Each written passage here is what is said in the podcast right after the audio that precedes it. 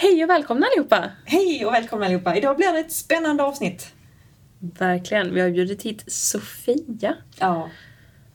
Och det här kommer att bli, håll i er, det här blir också ett, ett avsnitt i två delar. Mm. Och vi kommer att beröra HBTQI. Och kommer gå igenom det. Ja, vad står egentligen den här akronymen för? Ja, Vad är varje bokstav? Vad Precis. betyder det? ja exakt. Och vad, vad är det för personer som ingår i den här gruppen? Och finns det några fördomar kring HBTQI-personer? Precis, vi tar ju också en liten, eh, vad ska man säga, titt i, i historieböckerna. Och ser lite vad, vad det finns för, för betydande händelser i, i Sverige här bakåt i tiden. Mm. Vi lyfter ju också blicken om hur det ser ut i resten av världen. Är det någon skillnad mellan Sverige kontra andra delar? Mm, precis. Så vi tänker att vi lägger grunden för vår förståelse kring HBTQ i det här avsnittet. Och sen i nästa avsnitt så grottar vi ner oss lite i, okej men bemötande. Hur ska vi inom brottsofferjouren jobba med bemötande av de här personerna? Mm. För vi möter dem. Det gör vi. Eh, Men det tar vi nästa gång. Ja. Så hälsar vi Sofia välkommen till det här avsnittet.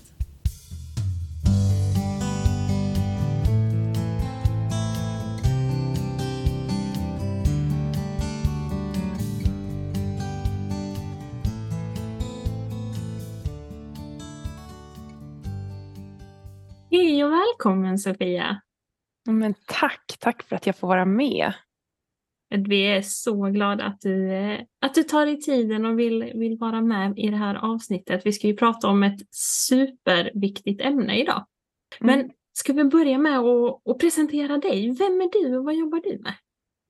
Ja, jag heter ju Sofia Smolle och jag är doktorand, jag är socionom, jag är själv hbtqi-person och jag är djurälskare. Och jag bor tillsammans med min fästmö i Stockholm just nu och våra två hundar och ibland så är vi också jourhem åt kaniner och andra smådjur. Men idag så är jag ju med här framförallt då för att jag är doktorand där jag forskar och undervisar om hbtqi som målgrupp och perspektiv. Och jag skriver en avhandling om just bemötandet av äldre transpersoner inom socialtjänst och äldreomsorg. Och så undervisar jag då på flera utbildningar men i huvudsak socionomutbildningen. Mm. Och sen har jag också skapat två olika kurser som fokuserar särskilt på transperspektivet. Där den ena är en sommarkurs på grundnivå och sen så har jag också en valbar kurs för socionomer då på avancerad nivå. Eh, och de fokuserar ju som sagt på transperspektivet och just bemötandefrågor. Och de finns ju då att söka vid Mittuniversitetet där jag arbetar. Spännande. Mm. Ja, vi, vi, vi pratar ju här om HBTQI, men hur, vad, vad skulle du säga att beteckningen betyder egentligen? Jo men hbtqi det är ju ett eh, samlingsbegrepp för olika läggningar och identiteter och uttryck och praktiker. Sen är det ju en väldigt stor målgrupp med väldigt många olika erfarenheter och upplevelser. Men de här första då, H och B, det innebär ju sexuell läggning och står för homosexuell och bisexuell. Och homosexuell, det är kanske det som vi alla känner till bäst och det innebär en person som blir attraherad av och eller kär i en person av då samma kön. Och jag säger samma med citationstecken, kön. Eh, och det är ju liksom, det handlar om hur en själv identifierar sig helt enkelt. Jag, jag utgår mycket från när jag pratar om kön att, att det är en känsla och en upplevelse. Så det är också därför som jag säger det här, samma och egendefinierat kön. Och sen så har vi bisexuell, det här B det innebär en person som kan bli attraherad av och eller kär i både kvinnor och män. Sen kommer vi till det som många tycker kanske blir mer komplext, det här T, trans eller transperson. Och det handlar ju inte liksom om sexuell läggning överhuvudtaget utan det handlar om könsidentitet och könsuttryck. Och trans det innebär en person som helt eller delvis inte identifierar sig med det könet som tilldelades personen vid födseln, alltså i, i pass eller det som framkommer av folkbokföringen. Och eh, det går att vara trans på väldigt många olika sätt och allas upplevelser av liksom att vara trans är olika. En del transpersoner känner sig eh, tydligt som ett annat kön och andra känner sig inte som något kön överhuvudtaget eller flera kön eller som mellan könskategorierna kvinna, man. Och det kallas också ibland för icke-binär. Och sen så har vi det här Q då, som står för queer eller queera identiteter och uttryck. Och det kan handla om både sexuell läggning och könsidentitet och könsuttryck. Men också vara Eh, sexuell praktik eller hur en väljer att bilda familj eller ifrågasättande av eh, sociala normer. Och det kan sammanfattas egentligen till ett kritiskt ifrågasättande av synsätt och värderingar för hur vi förväntas våra, leva våra liv på. Och sen så kan vi ju nämna, det här har tillkommit mycket senare, men det här i då, och det står ju för intersex eller intersexvariationer. Och det innebär inte endast den egna definitionen utan det är själva erfarenheten av att ha en kropp som medfött bryter mot normer kring kön. Till exempel där en person föds med en inre eller yttre anatomi som inte stämmer överens med hur en typisk kvinnlig eller typiskt manlig kropp förväntas vara. Och det kan vara skillnad i den yttre anatomin men det kan även handla om hormonell eller genetisk skillnad. Och för vissa intersexpersoner kan den här definitionen av att just definiera sig som intersex vara jätteviktig och för andra är den mindre viktig utan då är det många som bara definierar sig som, som kvinnor och män helt enkelt. Så mm. det är den här beteckningen hbtqi. Det låter, alltså, det låter som att det, det är ganska tydligt men ändå mm. väldigt komplext och, och lite svår, svårt att ta på. Liksom. Mm, mm. Absolut. Mm. Och det tillkommer ju också hela tiden nya bokstäver och nya sätt liksom att definiera sig och definiera andra och kategorisera. Så att mm. det, det är absolut komplext. Det är det. Vilka personer skulle du säga ingår i eh, gruppen hbtqi? Men om jag ska säga ett väldigt enkelt svar, alla som definierar sig i enlighet med begreppet och som därtill vill ingå helt enkelt. Det är ju de som kan sammanfattas under den här beteckningen men som på något sätt vad ska man säga, väljer eller bara avviker från kanske normen skulle jag säga när det gäller sexuell läggning och könsidentitet och könsuttryck. Men helt enkelt som, som vill ingå. Och du säger avviker ifrån normen. Om du skulle mm. beskriva hur normen ser ut, så som den ser, ser ut, som man avviker ifrån. Hur skulle mm. du beskriva den? Men normen, och normen som jag framförallt pratar om det är ju kanske heteronormen och cisnormen. Och det mm. handlar ju om att alla förväntas, alla i vårt samhälle förväntas vara heterosexuella eh, och eh, cis. Och cis det är ju då det, det, har ju ingenting med sexualitet att göra utan en cis-person är en person som identifierar sig med det könet som tilldelades personen vid födseln. Och eh, det är egentligen det som majoriteten kanske är i vårt samhälle och det som flest identifierar sig med. Men cis-normen är ju också den norm som förutsätter att alla personer är cis-personer och föreställningen om att det bara existerar två kön, alltså kvinnor och män. Då.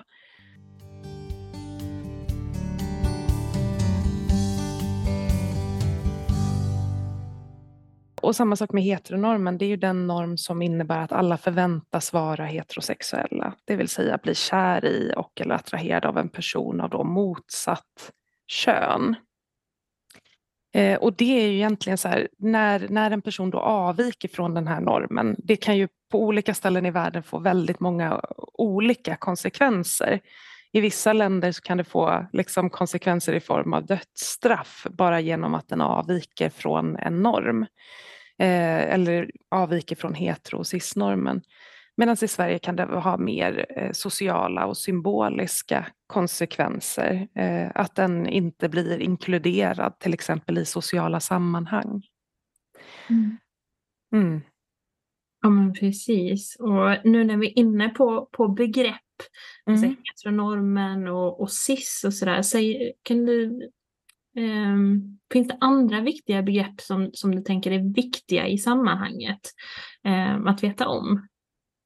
Men jag tänker att de här begreppen just eh, cis och cis-person, eller cis-normen som jag just nämnde, är väldigt viktiga begrepp i det här sammanhanget. Och samma sak hetero och heteronormen. Men, men också för att nämna ett ytterligare, en ytterligare definition som jag tycker är viktig, det är ett A som ibland brukar läggas till i det här hbtqi eller hbtqi A. Då. Och det är då asexuell eller asexualitet, det vill säga att en person inte känner någon eh, sexuell attraktion till någon eh, och eller har väldigt lite intresse av just sex. Och ibland läggs A till i, som jag sa, den här akronymen, det vill säga hbtqia. Och det är viktigt för att det, hbtqi har en tendens av att också många gånger sexualiseras på olika sätt. Och där tänker jag att det är också viktigt att veta att för alla är inte det en del av att vara hbtqi. Ja, det finns också upplevelser och erfarenheter av att inte känna någon sexuell attraktion. Så det är det som jag tänker nog som jag också skulle vilja nämna i, i sammanhanget av begreppsdefinition. Jag kan tänka mig att det finns en mängd olika begrepp och lite mm. beroende på, på i vilket sammanhang och sådär. Men ja. superspännande. Men mm. anser du att det finns några fördomar mot eh, hbtqi? Ja. Mm. Alltså jag skulle säga att det finns oerhört mycket fördomar mot hbtqi-personer i det här samhället som vi lever i. Till exempel fördomar om att, ja, nu tar jag ett exempel, men att alla lesbiska kvinnor generellt skulle vara mer manliga eller maskulina än heterosexuella kvinnor och att feminina lesbiska kvinnor ofta får höra så här, det trodde jag aldrig om dig. Att det skulle vara liksom så här, eh, en heterosexuell rollfördelning i samkönade relationer. Eh, till exempel en person agerar spelarman och en annan agerar spelarkvinna. Att en person inte skulle eh, kanske vara säker i sin sexuella läggning om den aldrig provat vara med olika personer eller att alla transpersoner skulle vilja bli refererade till med pronomet hen. Det är liksom eh, väldigt vanliga fördomar. Mm. Eh, och den här listan är ju, den är ju väldigt, väldigt lång och vissa fördomar är rätt oskyldiga Medan det finns fördomar som faktiskt skadar hbtqi-personer. Till exempel att det inte ges adekvat vård när en läkare agerar på en fördom om vad personen har för behov utifrån sitt könsuttryck eller när frågan om våld inte ställs av en socialsekreterare för att en person lever i en lesbisk relation och kvinnor förväntas inte utföra eller utöva våld i samma utsträckning som män till exempel. Så att det är högt och lågt när det gäller fördomar skulle jag säga, men det är absolut, det finns mycket. Mm. Mm. Ja, det är jätteallvarligt. Mm. Alltså just mm. sjukvården och, och eh, när det kan finnas våld. Mm. Mm. Absolut. Mm.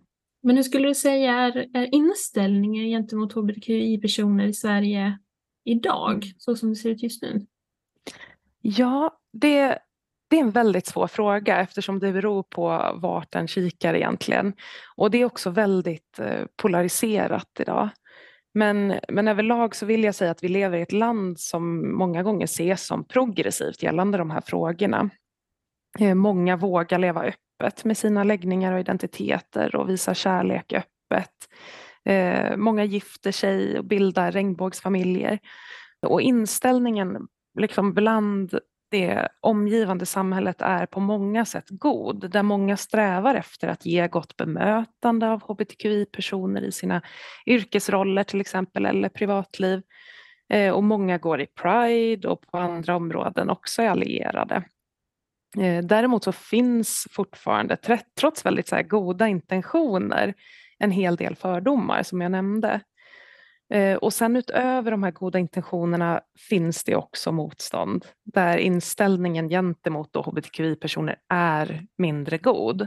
Mm. Där personer liksom röstar politiskt mot hbtqi-personers rättigheter och sprider hatpropaganda på internet och utsätter hbtqi-personer mot hat och hotpropaganda.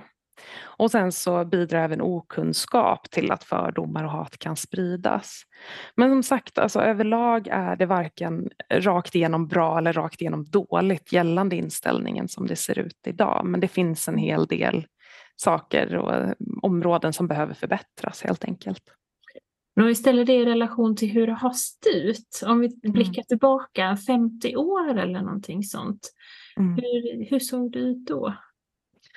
Ja, men för 50 år sedan då landade vi i 70-talet och RFSL hade ju funnits då till exempel. RFSL som är den största eh, föreningen som vi har på, vad gäller den här målgruppen och de här frågorna i Sverige. De hade ju funnits då i 20 år, även om deras synlighet inte var kanske som idag.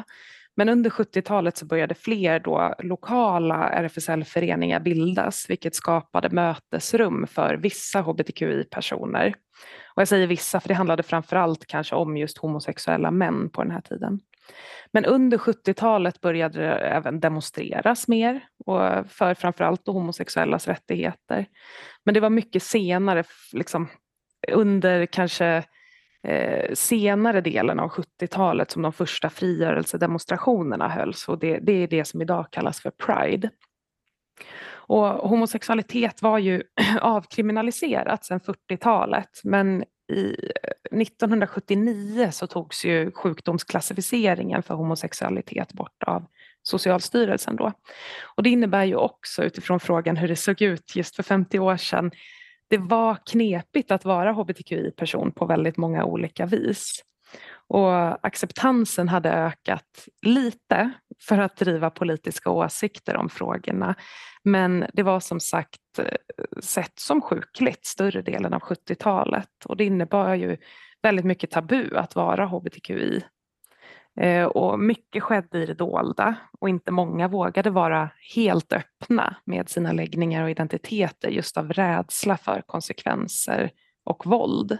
Dock utifrån de här förändringarna på 70-talet då fanns det väldigt stor hoppfullhet i början av 80-talet för framtiden och att kunna vara mer öppen. Sen vet vi också att det, det vart ju det vart ju ett bakslag på 80-talet för att då, det var ju liksom då som det här med HIV och eh, aids också kom och då ökade ju också det här stigmat att, liksom, mot hbtqi-personer.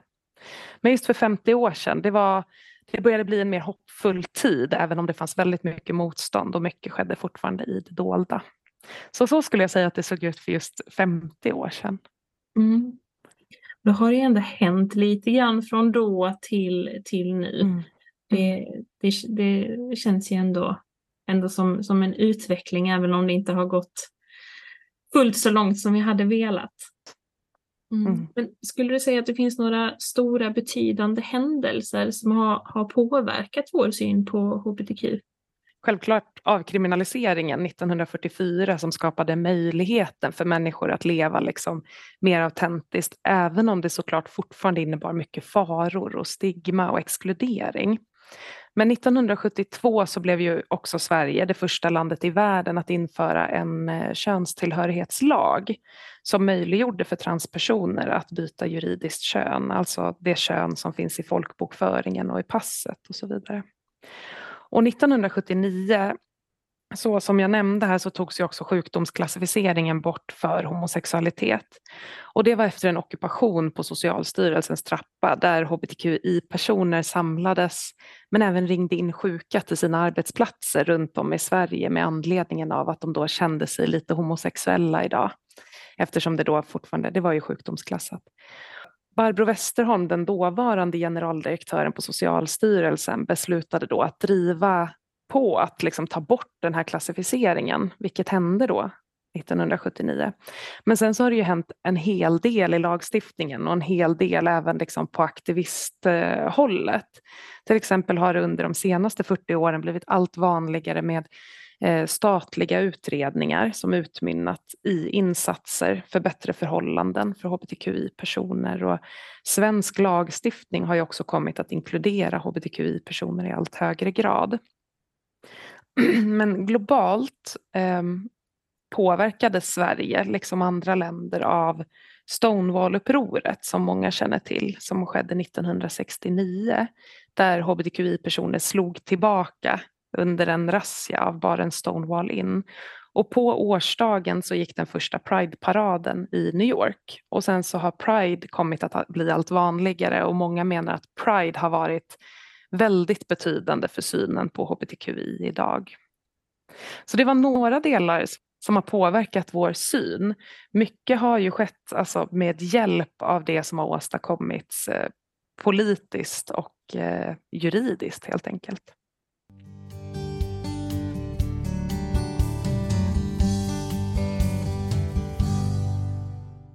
Ja, det, det är så inspirerande att höra att det liksom har skett på gräsrotsnivå eller hur mm. man kan beskriva att det är vanliga människor som kämpar för, för sin rätt. Ja men absolut, det är ju oftast hbtqi-personer själva som varit aktivisterna som har drivit på någon form av revolution. Och det har ju varit hela tiden för att åstadkomma liksom förändring juridiskt och få liksom möjlighet att gifta sig till exempel. Och då har det varit de stora målen. Sen så har målen hela tiden förändrats. Men det har absolut kommit från ja, men gräsrotsnivå. Det har varit hbtqi-personer själva och allierade som har drivit de här frågorna. Du har varit inne på det här att, att världen har förändrats för hbtqi-personer i nutid, men att mm. det ser olika ut runt om i världen. Mm. Um, och du har varit inne lite grann på de positiva och negativa eh, aspekterna, 80-talet med eh, aids och hiv och, och sådär. Mm. Är det någonting mer du skulle vilja tillägga i just, just den biten? Det vi kan se det är ju liksom att när det har kommit någon form av så här, nej men nu har vi fått till de här rättigheterna, då kommer det alltid med något form av bakslag. Eh, det finns ett väldigt stort motstånd helt enkelt eh, när vi också får vissa rättigheter. Eh, och det kan vi se liksom efter egentligen varje, varje utvecklingsområde eller när, varje, när det har hänt någonting på varje område så ser vi de här bakslagen. Men det har ju hänt, alltså, de se, det vi kan se är att de senaste 10 till 20 åren så har det hänt otroligt mycket, både positivt och negativt. Och det är möjligt liksom att, att tala utifrån ett världsperspektiv eh, men det, det, skulle ta liksom hela dagen för det är så, så himla spritt. Men i vissa länder så finns det fortfarande hatpropaganda av staten och dödsstraff.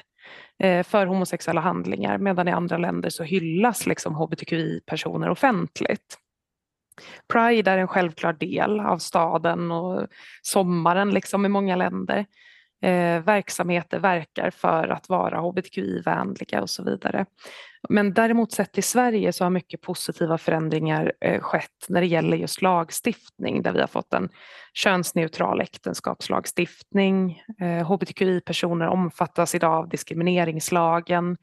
Eh, kravet, det fanns ju tidigare krav på tvångssterilisering för att genomgå könsbekräftande underlivskirurgi för transpersoner och det har tagits bort. Och hbtqi-personer skyddas även mot hatbrott, olaga diskriminering och förolämpning enligt svensk grundlag. Eh, sen så har verksamheter börjat liksom försöka öka sin kunskap och skapa bättre förutsättningar för gott bemötande med hjälp av liksom, eh, hbtqi-certifieringar och diplomeringar som är allt vanligare. Eh, och synligheten av hbtqi-personer har generellt blivit mycket bättre med hjälp av traditionella och sociala medier framför allt. Och sociala medier de har ju möjlig, eller det har ju möjliggjort fler trygga rum, eh, ökad kunskap och bättre kontaktmöjligheter. Däremot så finns det ju, precis som jag sa, det finns bakslag, det finns motstånd. Och det är ju också kanske den mest negativa aspekten av till exempel ökad synlighet och det kommer med det här motståndet. Och sociala medier där till exempel har möjliggjort att hot och hatpropaganda kan spridas i väldigt snabb hastighet, nå väldigt många och också ske anonymt. Och vi ser även vissa diskurser och desinformation spridas och det är ju ett knepigt politiskt klimat just nu som tyvärr drabbar hbtqi-personer i Sverige men även då världen över där många är rädda att också få sina rättigheter fråntagna och sin existens hotad. Eh, så det är ett läge där många upplever stor rädsla. Det finns de här positiva delarna och sen så finns det också de här eh, lite mer skrämmande delarna. Mm. Mm. Eh, men hur skulle du säga situationen idag? Eh, skulle du säga att det finns några grupper inom hbtqi som är, är mer sårbara eller utsatta? Eller skulle du säga att det är, är lika för, för alla som identifierar sig som hbtqi-personer? Mm. Ja, men både och. Eh, mindre utsatta i termer av legala rättigheter men också mer utsatta i och med den ökade exponeringen och snabba informationsspridningen på internet. Alltså det finns mycket hopp om att vi fortsätter i en riktning som samhälle där situationen blir bättre för hbtqi-personer liksom för andra minoritetsgrupper. Men transpersoner är liksom enligt forskning sedda som mer utsatta i bemärkelsen av att det rapporterats om att eh, just transpersoner utsätts för hot och hat i högre grad än andra inom hbtqi-gruppen. Sen är också desinformationen om transpersoner hög, bemötande och kunskapen är liksom bristfällig och transpersoner själva rapporterar i hög grad om ohälsa eh, bland egentligen alla åldersgrupper.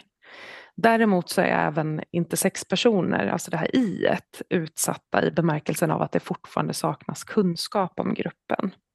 Det är ju helt enkelt så, ja men det är mer utsatthet och mindre utsatthet i ett och sen så inom gruppen finns det absolut eh, vissa som är mer utsatta enligt forskning.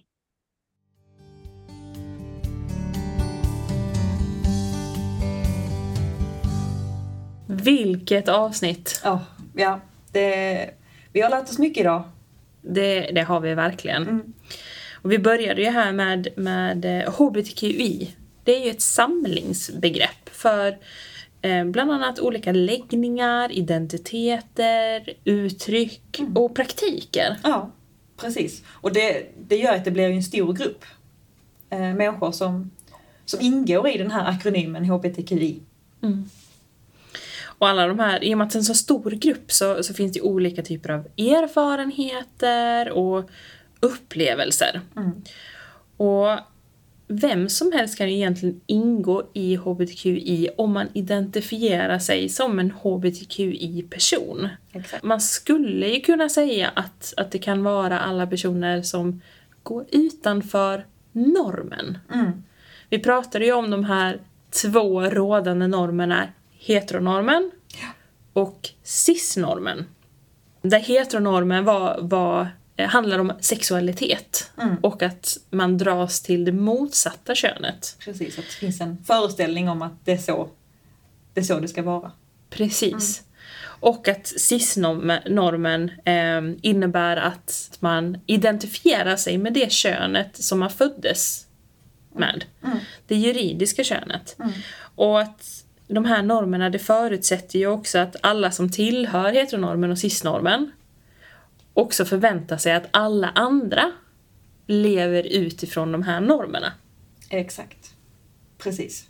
Och då blir ju hbtqi de som, som faller utanför de här normerna. Mm. vi pratar ju också om en del, del om kön under det här avsnittet. Mm. Och det som är intressant är just kring, kring kön, att vi utgår ju från individens känsla och egendefinition och inte utifrån cis-normen då, det juridiska könet, det mm. könet som man föds med. Precis. Och sen kikar vi lite i, i backspegeln va? Mm. Vad har egentligen hänt här under, under 1900-talet? Mm. Det började ju redan där på 40-talet när det avkriminaliserades att vara hbtq-person. Precis, följt av då ockupationen av Socialstyrelsen på deras trappa. Mm. Det är också en stor mil, milstolpe. Mm. Men det har ju inte bara varit, varit positiva betydande, betydande händelser utan det blev ju ett bakslag där under 80-talet när eh, spridningen av hiv och aids eh, var, som, var som störst. Precis. Så framgångar men också lite bakslag mm. kan vi säga. Vi kikade ju lite grann på där hur det har sett, sett ut i Sverige. Och vi har ju kommit ganska långt ändå mm. eh, för hbtqis rättigheter. Ja. Det är ju en lång, lång väg kvar att lång vandra. Väg kvar, absolut. men, men några exempel är ju att vi har ju eh, diskrimineringslagen. Att hbtqi-personer omfattas av den. Och hatbrott. Precis. Men också att äktenskapslagstiftningen är könsneutral. Mm. Och tvångssterilisering av eh, könsbekräftande kirurgi har ju också tagits bort. Precis. Du behöver inte steriliseras bara för att du vill, vill byta kön. Och det är ju så att, att eh, könsidentitet och, och sexuell läggning ingår också i, i hatbrotts... Eh, där vi bland annat kommer in, tänker jag, när vi träffar personer som blir utsatta för hatbrott. Så är det ju en av, vad ska vi kalla det, en av kriterierna, eller en av, av delarna i hatbrottsdefinitionen. Eh, så det omfattas ju av, av den lagstiftningen också. Och eh, en sak som, som har blivit eh, vanlig senare tid skulle jag ändå vilja säga är, är att verksamheter och organisationer strävar efter att hbtqi-certifieras och vill lära sig mer, att öka kompetensen. Så alla blir bemötta med, med respekt och med rätt kunskap. Verkligen. Mm. Men tyvärr finns det också ett motstånd runt om i samhället. Ja, det gör det. Ja. Eh, och vi kan också se att det finns en rädsla hos hbtqi-personer att rättigheter blir borttagna. Mm. Vi har ju ett, ett exempel här ganska nyligen som, som skedde i Italien. Precis.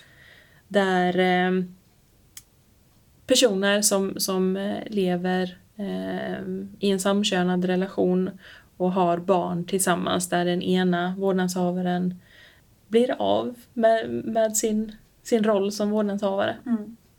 Exakt. Bara för man råkar vara den, den biologiska föräldern. Ehm, och det finns också även ganska djupt hot, eh, rotat eh, hat Mm. och utbrett hot ehm, och propaganda gentemot hbtqi-personer. Ja. Framför allt i sociala medier kan Mm. vi se Ja. hur det sprids. Men det, Sofia var en hopp- hoppfull om framtiden.